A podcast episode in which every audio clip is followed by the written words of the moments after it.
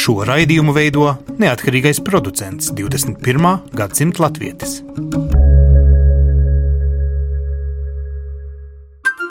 Lai kur mēs būtu, Lai kur mēs būtu, Lai kur mēs būtu, Lai kur mēs būtu, Tie esam mēs. tie esam mēs. mēs Tie esam mēs. Mēs. tas ir par mums. Tas ir par mums. tas ir par mums. Sveicināti radījumā 21. gadsimta latvieši. Šodien runāsim par fenomenu, ko visdrīzāk daudzi ārpus Latvijas robežām dzīvojošie, bet ar Latvijas, piemēram, medicīnu pēdējā laikā saistītie cilvēki varētu uztvert kā tādu, nu, vismaz izmaiņas, ja ne aizvainojošu ziņu, ka turpmāk, ja jūs nemaksājat sociālo nodokli Latvijas valstī, tad pilnā apjomā Latvijas medicīna jums var nebūt pieejama. Mēs šodien runāsim nevis par šo principu, bet gan par aizstājošu principu, ko daudzi cilvēki iespējams tikai pēc šī raidījuma apjautīs. Proti, Eiropas Savienībā pastāv direktīva, kas ļauj, protams, saskaņotos īpašos gadījumos, tomēr ārstēties Latvijas pilsoņiem ārpus Latvijas, un eh, pēc tam vajadzīgo summu var teikt piedzīt no Latvijas budžeta. Tas būtu no vienas puses skatoties, mēs skatīsimies šodien no otras. Ja Anglijā ilgus gadus strādājis Latvijas Republikas pilsonis, varbūt pat arī Anglijas pilsonis, bet galvenais šajā aspektā - nodokļu maksātājs Anglijā, vēlas tomēr ārstēties Latvijā. Izrādās arī šajā gadījumā maksā Britu budžets vai patiesībā jūsu iepriekš nomaksāto nodokļu nauda, un reāli jūs satiekat savu mīļāko, piemēram, ģimenes ārstu. Viens no tādiem ārstiem varētu būt Lāsma Četverga. Viņa ir ārsts, ģimenes ārsts, kas bieži satiek šos, sauksim viņus par Anglijas latviešiem. Un tur telefona otrā galā šajā raidījumā ir Ārnis Krasovskis. Viņš savukārt ir kolēģis, kurš māca palīdzēt tik galā ar birokrātiju, kas šim fenomenam diezgan bieži seko. Sāksim ar Lāsmu. Kā tad ir, cik bieži šie cilvēki pie jums atbrauc un saka, jā, es te esmu tikai uz četrām dienām, satikt vecmāmiņu un vēl kaut ko, un gribēju satikt arī jūs, doktor. Jā, nu šādi pacienti ir. Gadās to, ka viņi pat telefoniski jau saplāno savas vizītes, jau ar visiem izmeklējumiem, pat reizēm tā, bet, protams, ka visprātīgāk to visu ir sākt ar, nu, savā ārsta, terapeita, ģimenes ārsta vizīti, un tad apjaust un noskaidrot, kādas tad ir patiesās problēmas, un tad jau tālāk mēs šo te plānu arī sastādām un taisam tos izmeklējumus, un tad, protams, ir noslēdzošā vizīte, kur saliekam visus punktiņus uz zi un pasakam, ko darīt tālāk. Šādi cilvēki bieži vien, teiksim, ir tie, jā, tie ir tie mūsu latvieši, kas ir aizbraukuši un strādā Anglijā. Nu, viņiem nav nā- sanācis kontakts ar ārstu vai, teiksim, varbūt ir valodas barjera kādam, vai ir neusticēšanās sistēmai, vai tā pareizāk sakot, ir sveša. Mhm. Un tad viņi jūtās drošāk, ka viņi šo te veselības aprūpi saņem mājās Latvijā. Labi, bet būsim reāli. Vairums no šādiem raksturotiem cilvēkiem atbrauc uz šīm pāris dienām un samaksā jums tipisko ārsta apmeklējumu, nu, pilnu cenu, tā kā ietu pie privātā ārsta arsā. Jā, tieši tā šie pacienti maksā pilnu, maksā par visu, kas ir atbilstoši cenrādījumam. Un kā es eh, pirms raidījuma sazinoties jau ar Arni atskārtu, ka ir maza daļa to, kas apzinās, ka patiesībā Britu ķēniņienes eh, budžets varētu arī par to līdzmaksāt, ja vien eh, ir kolēģis, piemēram, jūs, Arni, kurš palīdz sakārtot dokumentus. Kā tad strādā šī skaistā pārobežu direktīva? Nu, labrīt. Labrīt. Uh, būtībā pārobežu direktīva ir drusku savādāk nekā tika skaidrots, un katrā valstī viņa pielāgojas un strādā drusku, drusku savādāk. Mm -hmm. Teiksim, ja mēs skatāmies uz uh, apvienoto karalisti, tad uh, nodokļu nomaksai nav nekāda sakara ar to, kuram ir tiesības saņemt veselības aprūpas pakalpojumus. Saistība ir tam, vai persona dzīvo fiziski Anglijā, Skotijā, Ziemeļīrijā vai Velsā. Tā tad arī cilvēki, kas ka- uh, dzīvo, bet, piemēram, nestrādā Anglijā, bet ir nu, nosīti sociālo labumu guvēji, automātiski pretendē arī uz šo veselības labumu, proti, finansiālā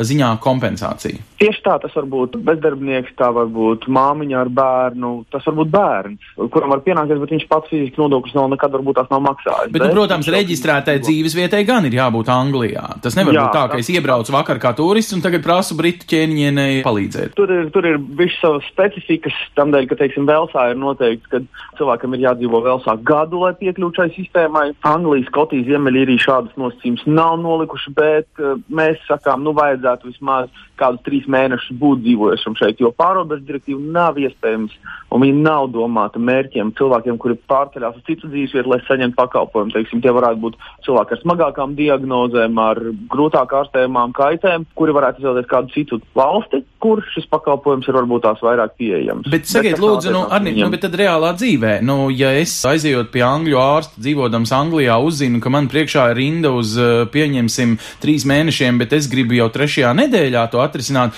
un zinu, ka Latvijā tas ir iespējams, tad es, teiksim tā, Anglijas budžeta maksājumu par šo skaistumu atvedu uz Latviju un atrisinu to ļoti ātri. Praktiski tas ir iespējams. Teorētiski arī tas nav iespējams. To arī direktīva izslēdz, ka direktīva nedrīkst izmantot, lai pārkāptu pāri rindām, bet praktiski to var tā izmantot. Jā, un tas tiek tā lielos mēros izmantot. Cilvēki gaidīšanas laiku uz operāciju dodas uz citu valsti. Bet biežākais, ko mēs redzam un ar ko mēs saskaramies, ka cilvēki netiek diagnosticēti attiecīgi vai arī netiek diagnosticēti vispār. Tad apzināti ļoti... dakteri nosacīti saka, jums vēl nav tik smags gadījums, pagaidiet vēl gadu, kad sāks sāpēt, ka nevarēsiet izturēt, tad tiksiet pie operācijas. Tas, ko es redzu šeit, dzīvojot Lielbritānijā, ir dažādā sistēma. Latvijā sistēma ir vienkāršota un ir vieni nosacījumi visiem Latvijas iedzīvotājiem, ko izsludina Nacionālais veselības dienests par to, kādi pakalpojumi tiks sekti. Un ārstiem ir aptuveni vienāda izpratne par to, kādā stāvoklī cilvēkam ir jābūt, lai saņemtu šo pakalpojumu. Tad Lielbritānijā šī ir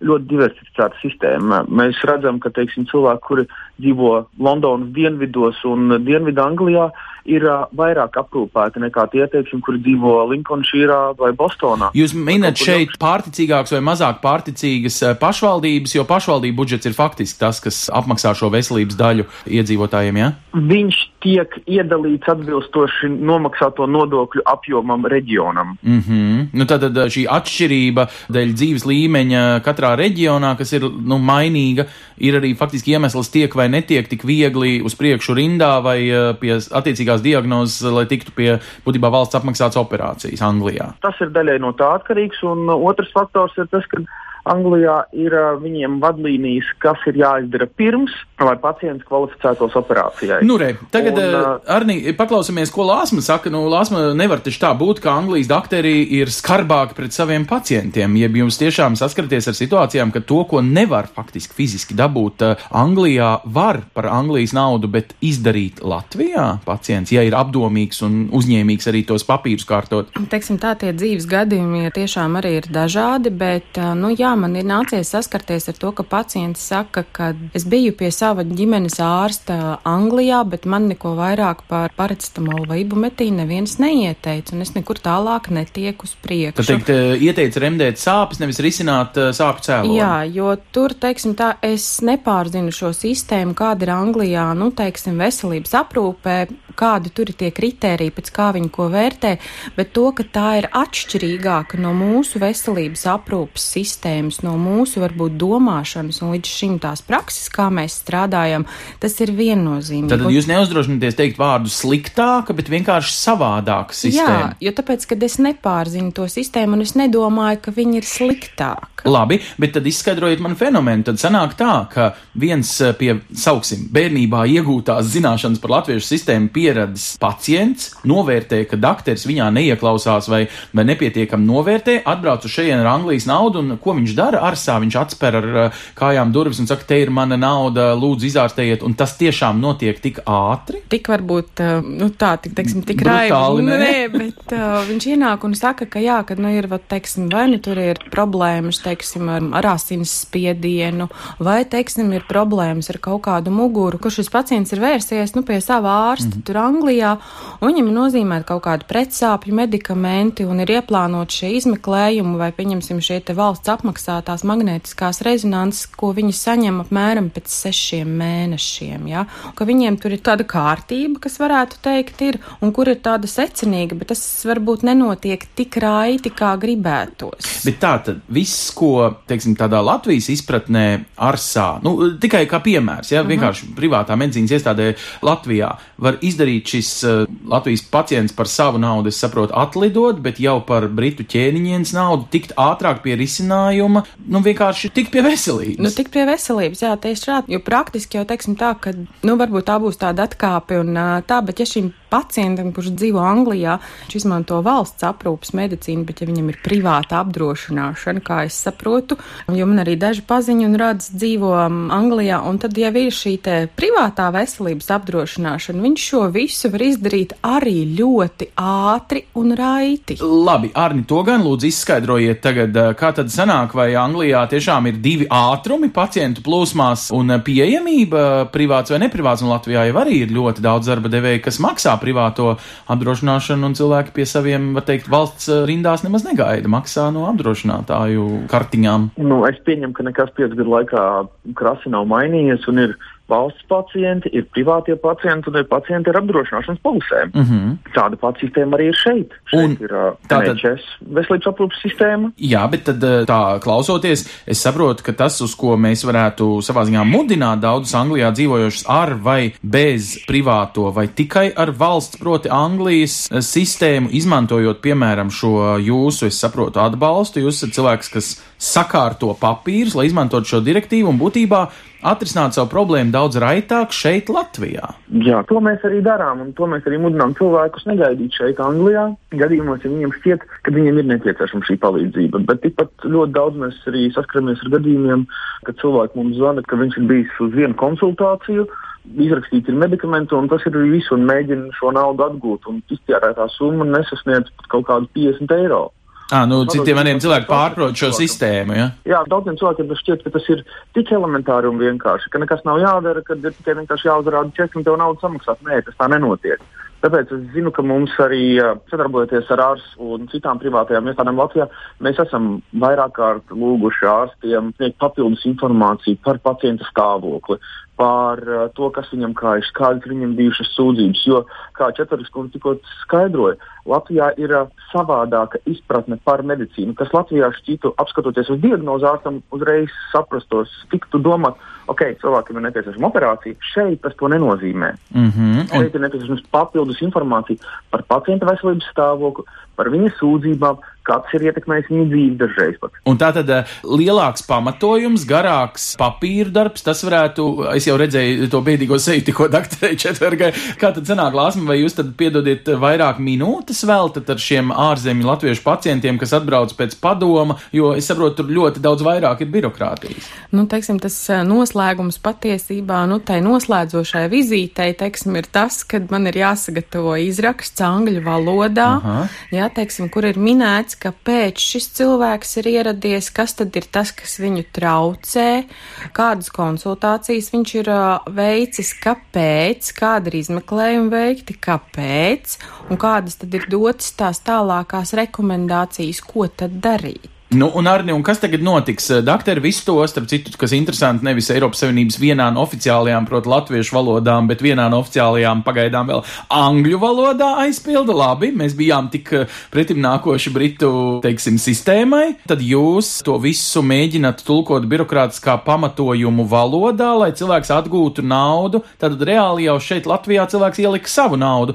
Atgūs no Lielbritānijas pārskaitījuma atpakaļ kompensāciju, vai ne? Tīri teorētiski tā ir, bet es izvairīšos no vārdu lietojuma. Mēs nākam pretī valstī, mēs nākam pretī pacientam, atvieglojot viņa darbu un atvieglojot viņa dzīvi. Par to valodu, ja? Tas arī Latvijā jūs nevarat iesniegt Grieķijas izdotu medicīnas dokumentu bez tulkojuma. Nu, Latvijā- ja šī ir Eiropas Savienības direktīva, tad es nevarētu jums piekrist pa 100%, bet, nu, protams, ka angļu valodu, paldies, Jā, jā. Lāsma, zina ļoti daudz ārsti un viss kārtībā. Bet pats tas princips manis aprakstītais ir pareizs, kā nauda plūst. Proti, Ir, jā, pacients jā, no sākuma ieliek savu naudu. Jā. Jā, pacients samaksā pats no sākuma, un tad viņam šī nauda tiek atgriezta. Un ļoti bieži pacienti arī nāk pie mums ar jautājumiem, vai mēs varētu saņemt šo naudu pirms pakalpojuma. Nē, tā nenotiek. tas tik būtu numurs. Kā tu zini, cik tas maksā pirms pakalpojuma? Labi, uh, Arni, bet uh, ja nopietni, uh, vai visas, nu, varētu teikt, diagnozes, mēs te runājam par plānveidu operācijām, ko, es nezinu, gūžu kaulu pārstādīšanām vai vēnu izņemšanām, ko, nu, Latvijā arī ieplāno citreiz pusgadu gadu uz priekšu. Šajā situācijā sanāk, ka te nekas īpaši tālu nav jāplāno to ar šo nolīgto pirms norunāto kaut kādu dokumentu, ja vei pie ārsta un gulies uz galda un viss notiek visglaunākajā Latvijas, piemēram, privātklinikā. Es varu pastāstīt, ja es drīkst atkāpties drusku par savu gadījumu, kas man notikās pagājušā gada septembrī. O, nu jūs esat Es privāts, tad uz priekšu. jā. Jā, es spēlēju basketbolu šeit pat Lielbritānijā, sarāvu savu kustiniskās saites. Nākamajā rītā es aizdevos pie ārsta, jo man ļoti sāpēja cels, nevarēja paiet. Izrakstīja ibuprofēnu. Pretsāpi ir Tipiski. tādas zāles. Pēc divām dienām es jau jūtu, ka man laikam būs jābrauc uz neatliekumu, bet zinot, kā šeit strādā sistēma, es sapratu vairāk par rengenu neatliekamajā palīdzībā es nedabūšu. Un spēlējot basketbolu jau kādu laiku, no savas dzīves es sapratu, ka tas nav kauls, tās ir saites vai muskulis. Viens no diviem. Mm -hmm. Pēc trijām dienām es atkal esmu pie sava ģimenes ārsta šeit, Anglijā. Man izraksta vēl ilgāku periodu. Man saka, divas nedēļas atpūties, padara zāles, precāti, un tad atnāc pie mums, un mēs te varēsim pārbaudīt. Tajā pašā brīdī, kad es jau biju atgriezies mājās, es tūlīt pats zvanīju uz ortoklīniku, ar kuriem. Tātad Rīgā uz šarpāko Rīgā, uz uh, ortopēdijas centru. Un uh, jautāju, vai jūs varēsiet pārbaudīt manu kāju, jo es nevaru saliekt celi. Mm -hmm. Um, ārstiem nācās paņemt kaut kādu stundu pauzi, lai izdiskutētu savā starpā, kāpēc lai tad nevarētu izmeklēt celi, kuru īsti nevar saliekt pats cilvēks. Rezultāts bija pēc atļaut biļeti un lidot pie mums. Aha. Rezultāts bija tāds, ka nākamajā pirmdienā es biju pie ārsta, uzstādīja diagnozi, iedeva izrakstu, atgriežoties Anglijā. Man bija iespēja sakārtot visus dokumentus, kam ir aptuveni nepieciešams mēnesis pirms operācijas. Tas ir aptuvenais laiks, kas ir nepieciešams.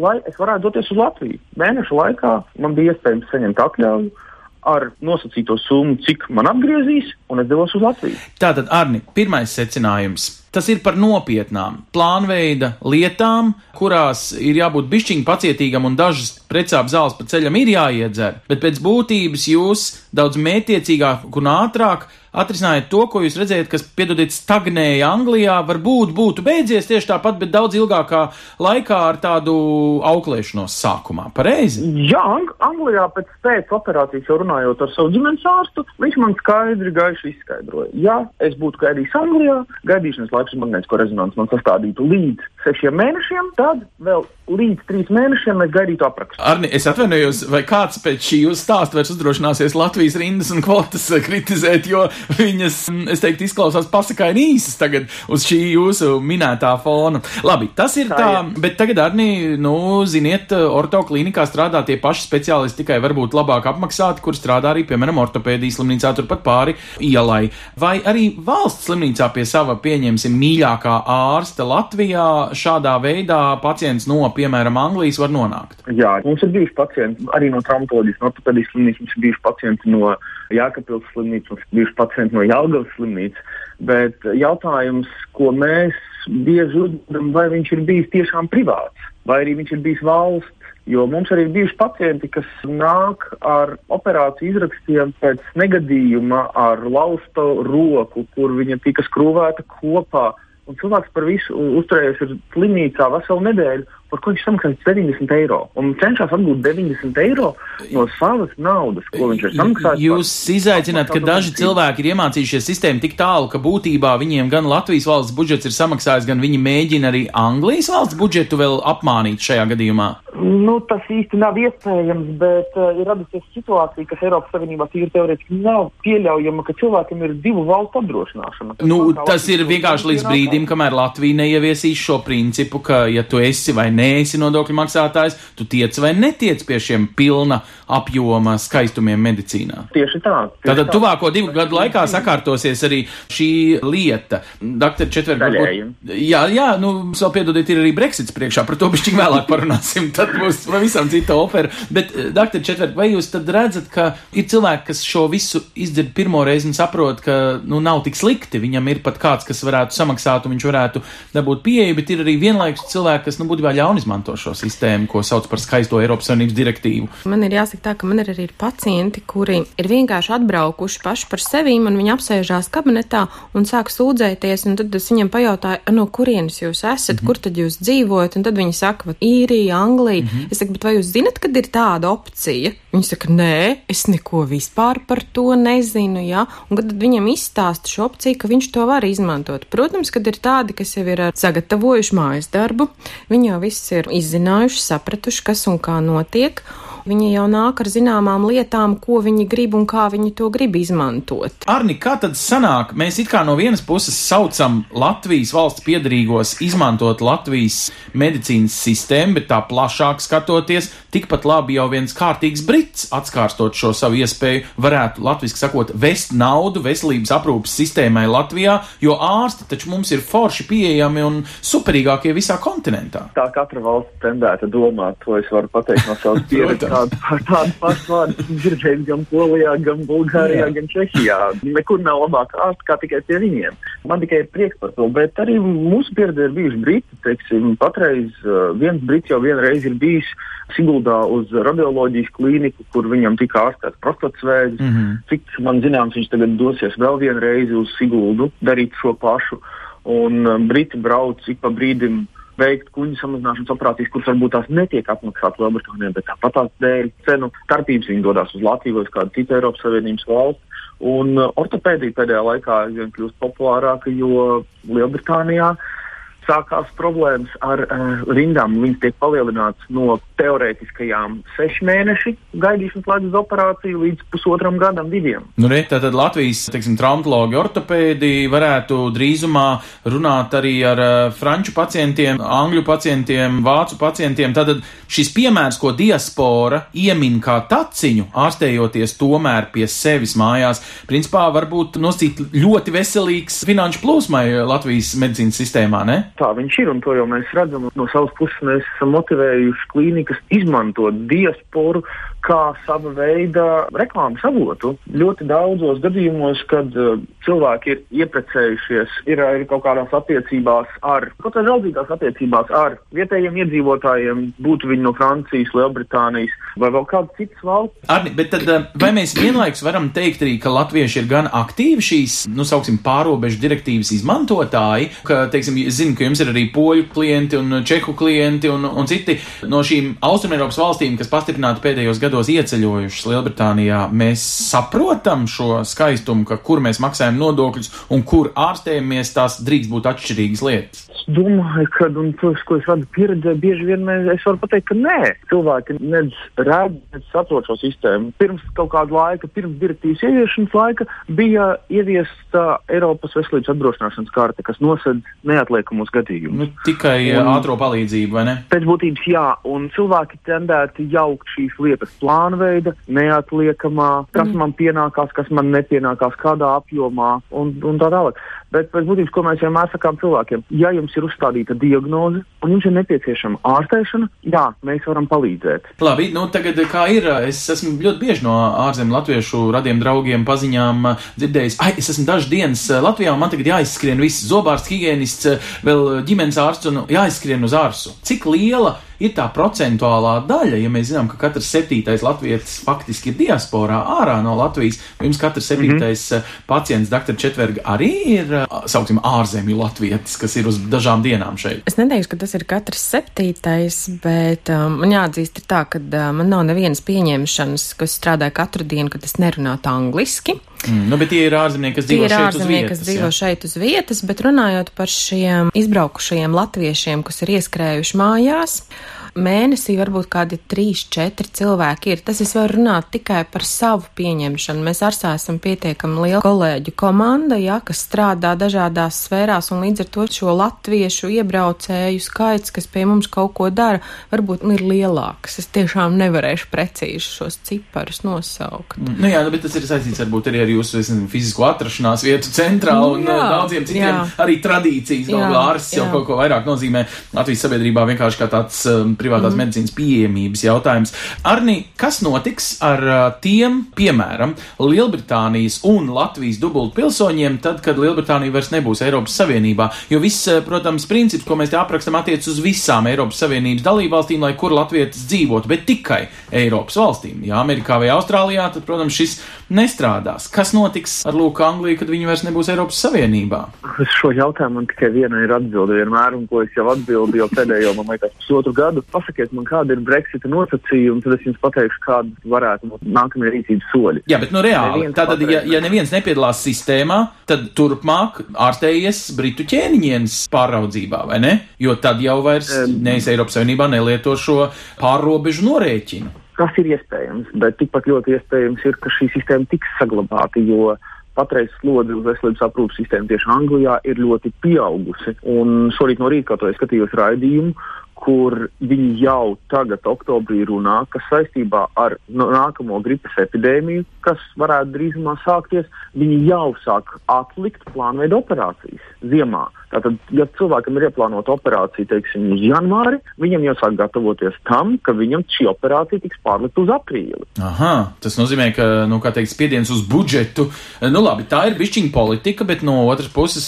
ko jūs, es atvainojos, iesakat Latvijas valsts piedarīgajiem ņemt Britu pilsonību laicīgi, lai arī par šiem veselības, nu, um, finansēšanas jautājumiem nebūtu kādreiz jāsāp galvai. Mums taču gal galā ir dzirdēts arī, ka viss tā aiziešana no Eiropas var beigties vispār bez jebkādiem likumiem, ka vienkārši nebūs uh, nolīguma, kas nozīmē, ka nu, visu, ko tavā dzīvē izšķirs, būs tikai un vienīgi Britu likumi, nevis Eiropas Savienības kādas nebūtu vienošanās ar Britāniju. Nu, jā, tā varētu būt, tas varētu būt viens no iznākumiem, bet tas nekādā veidā neietekmēs, ka Briti nevar pielemt, kad, ziniet ko, ja jūs braucat uz ārzemēm, mēs jums atmaksāsim līdz tai summai, ko mēs būtu maksājuši par jums šeit. Mm. Neviens jau nav aizliedzis viņiem turpināt sniegt šāda veida pakalpojumu. Labi, nu mums vēl ir pusotras no... gads, vai ne? Bet, Arni, vai jūs ieteiktu Latvijas Republikas pilsoņiem lietot Lielbritānijas atsevišķās, varbūt saslimšanas veidā, Lielbritānijas sistēmā ar šo pārobežu direktīvu var arī braukt pacients no Latvijas uz uh, Angliju ārstēties? Teorētiski var, bet tas, ko mēs redzam pacienti, teiksim, smagākos gadījumos, un arī mums ir bijuši pacienti, kas brauc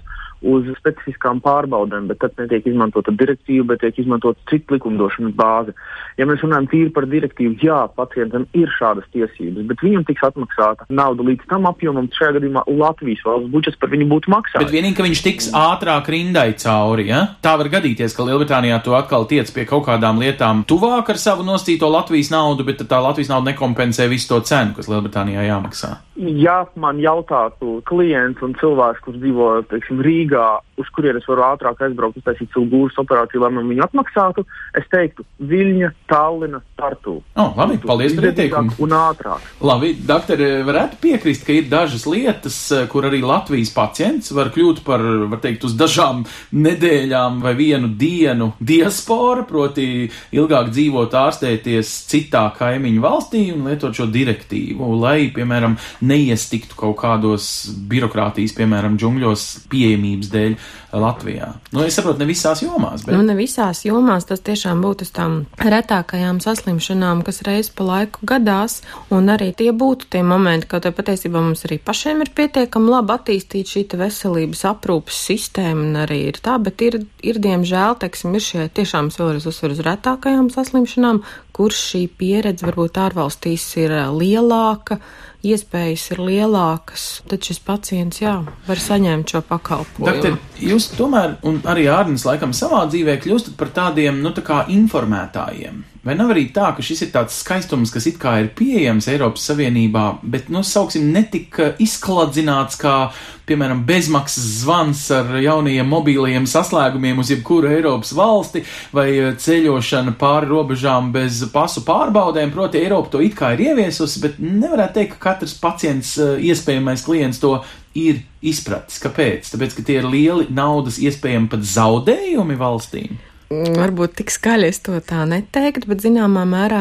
es viennozīmīgi piekrītu šim viedoklim, ka tas varbūt nav populārs tieši tāpēc, ka tas būtu diezgan nu, lielāks, smagāks finansiāls sloks Un, nu, mēs reizēm sakam cilvēkiem tā, ka nu, likuma nezināšana neatbrīvo no soda. Jā. Šeit to pagriezt otrādā, ka jebkuram Eiropas Savienības iedzīvotājam ir iespējas izlasīt šīs lietas un iepazīties. Protams, teiksim tā, ka cilvēkiem ir citas prioritātes un arī, teiksim, šīs lietas, jāsaka tā, ļoti bieži, ka mēs kaut ko zinām vai nezinām, ir arī saistīts ar kaut kādu mūsu inteliģenci, zināšanu līmeni.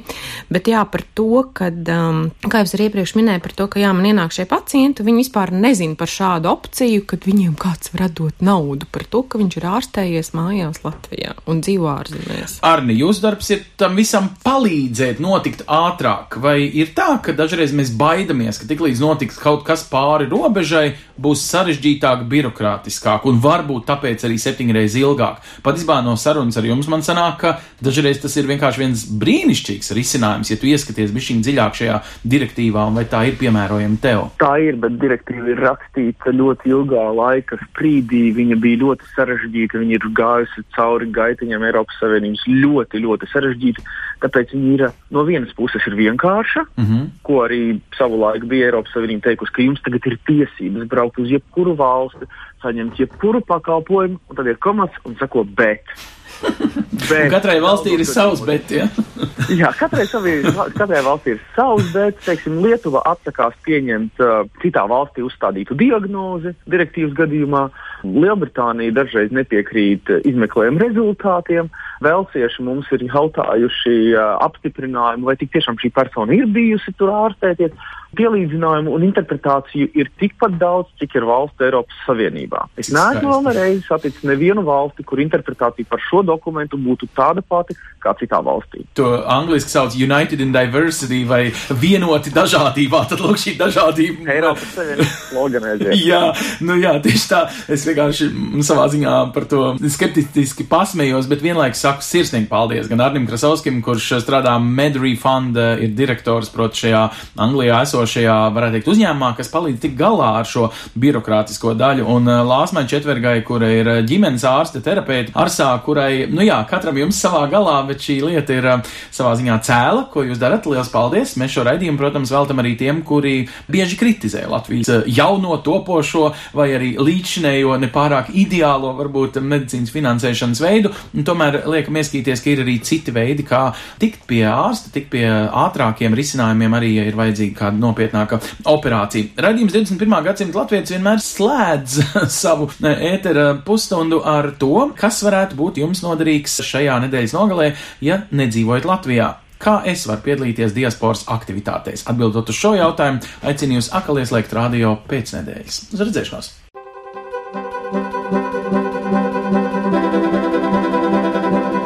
Sadarbībā ar, ar Latviešu.com piedāvājam Globālais latviešu notikuma apskats, kur ir tur rodas. Kur ir tur rodas? Tas ir par mums! Vakar, 14. oktobrī, Latvijas Nacionālās bibliotekas vestibilā norisinājās stāstu segas iesūtīto kvadrātiņu kārtošana. Kopumā ārpus Latvijas dzīvojošie tautieši tāds bija izveidojuši ap tūkstoti. Tie būs daļa no simboliskās lielformāta tekstila mozaīkas segas par godu Latvijas simtgadē, un stāstu sega būs apskatāma Latvijas Nacionālajā bibliotekā vispārējo dziesmu un deju svētku laikā 2018. gadā.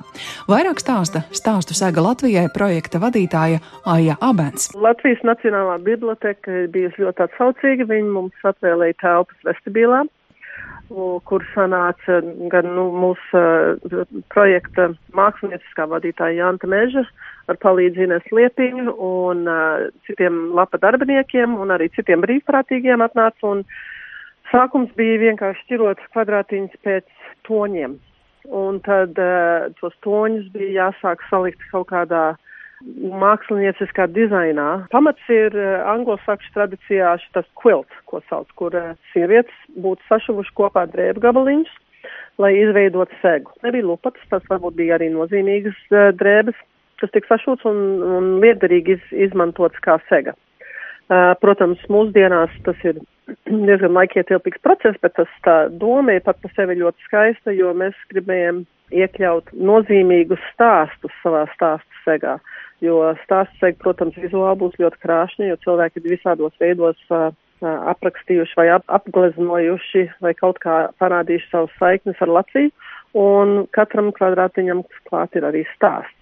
Šis bija domāts, lai latvieši, kas dzīvo ārzemēs, var arī savā veidā piedalīties, pastāstīt savu stāstu par Latviju, par saiknēm ar Latviju un uh, izveidot sevi kā dāvānu Latvijas simtgadēji. Nākamnedēļ tautieši dažādās pasaules vietās pulcēsies, lai kopīgi apmeklētu latviešu mākslinieku koncertus un filmu seansus. Pirmdien, 16. oktobrī, Latvijas vēstniecība Somijā aicina tautiešus apmeklēt Valsts akadēmiskā kora Latvija koncertu jeb veltījumu Latvijas Republikas proklamēšanas 99. gada dienai un Somijas simtgades jubilejai. Tāpat Valsts akadēmiskais koris Latvija šogad svin savu 75. jubileju. Sarīkojuma gaitā būs dzirdama izlase no kora īstenotā projekta Latvijas komponisti Latvijas simtgadēji. Šī projekta dalībnieki, latviešu komponisti, divu gadu laikā rakstīja jaundarbus korim, izvēloties tos veltīt kādai no piecām stihijām - zemei, ūdenim, gaisam, ugunī un mīlestībai. Latvijas vēstniecība Francijā aicina noskatīties viestura Kairiša filmu Melānijas Hronika. Savukārt 16. un 20. oktobrī Ņujorkā tautiešiem būs iespēja apmeklēt latviešu operdziedātājas Mārinas Rebekas koncertu. Turpretī sestdien, 21. oktobrī, Londonā tautiešus pulcinās latviešu roka grupa Dzels Vilks, bet Dānijā viesosies popmūzikas grupa Music. Savukārt nākamās nedēļas izskaņā, 22. oktobrī, tautieši aicināti apmeklēt dievkalpojumus daudz vietā pasaulē. Minneapolis St. Pauls Latviešu evaņģēliski luteriskajā draudzes namā notiks dievkalpojums, pēc kura sekos sadraudzība, tāpat tur arī prezentēs profesora Gunta Šmithena referātu par viņa grāmatas dziesmu vara tulkojumu latviešu valodā.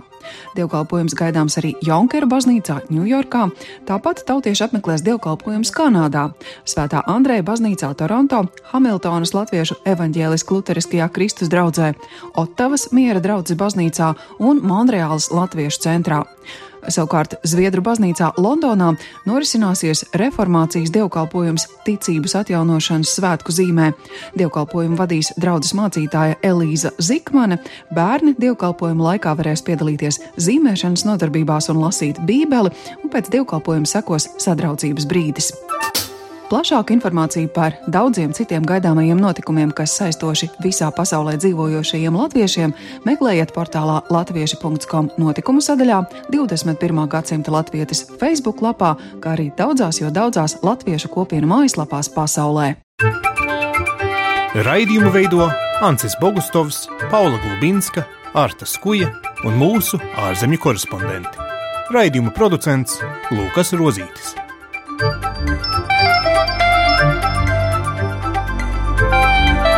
Lai kur mēs būtu, lai kur mēs būtu, tas ir par mums. Tie esam mēs. Tas ir par mums. Tie esam mēs. Tie esam mēs. Tie esam mēs.